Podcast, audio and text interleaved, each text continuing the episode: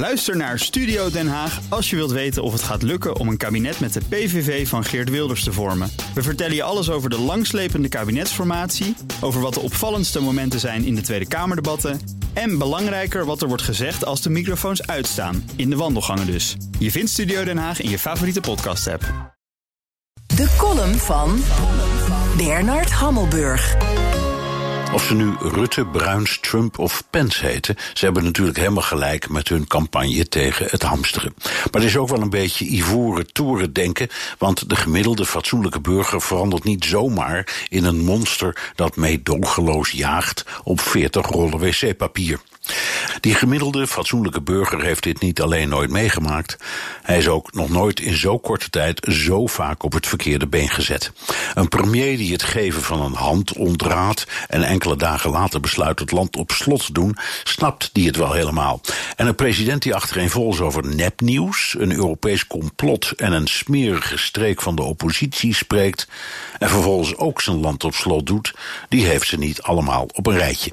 Dan denkt die gemiddelde fatsoenlijke burger, straks gaan ook de supermarkten dicht, dus ik sla even voor een paar maanden in. Ja, heel primitief en ja, heel asociaal, maar we zitten met onze gezinnen wel weken of misschien maanden thuis. En politici die ons geruststellen, mogen we daar een onsje sceptisch bij.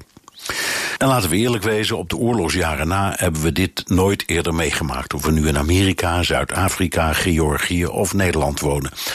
Wat best opmerkelijk is, want het is niet de eerste zo omvangrijke pandemie. In 1956 werd de wereld getroffen door een vernietigende polio-epidemie.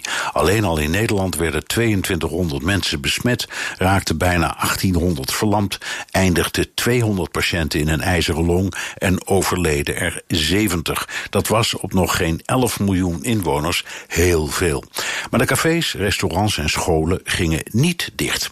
Dat vond het kabinet Drees niet nodig, of wat ik denk, want zo zat de politiek toen in elkaar, te duur. Gebeurt meer dat de gemiddelde fatsoenlijke burger in verwarring brengt. Binnen de Schengenzone sluiten plotseling allerhande grenzen. Jarenlang krijgen we colleges over het onaantastbare vrije verkeer van mensen en nu gooit zelfs Duitsland de grenzen dicht. Althans, met vijf buurlanden, maar niet met Nederland. Zijn wij superieur?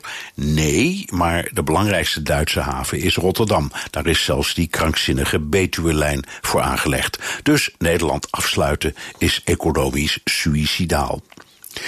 Centrale banken gebruiken hun monetaire trucendoos, maar de markten storten desondanks in. Alweer een zekerheid die de gemiddelde fatsoenlijke burger moet ontberen. Naarmate de zekerheden wegvallen, begrijp je dat asociale, primitieve monster met die 40 wc-rollen toch wat beter. Columnist Bernard Hammelburg. Terugluisteren? Ga naar bnr.nl of de BNR-app. En daar vindt u ook alle podcasts. Ook Diana Matroos vind je in de BNR-app. Ja, inderdaad. Je kunt live naar mij luisteren tijdens de Big Five. Ook handig in de BNR-app. Breaking nieuwsmeldingen, maar ook het allerlaatste zakelijke nieuws. En je vindt in de app alle BNR-podcasts, waaronder Wetenschap Vandaag. Download nu de gratis BNR-app en blijf scherp.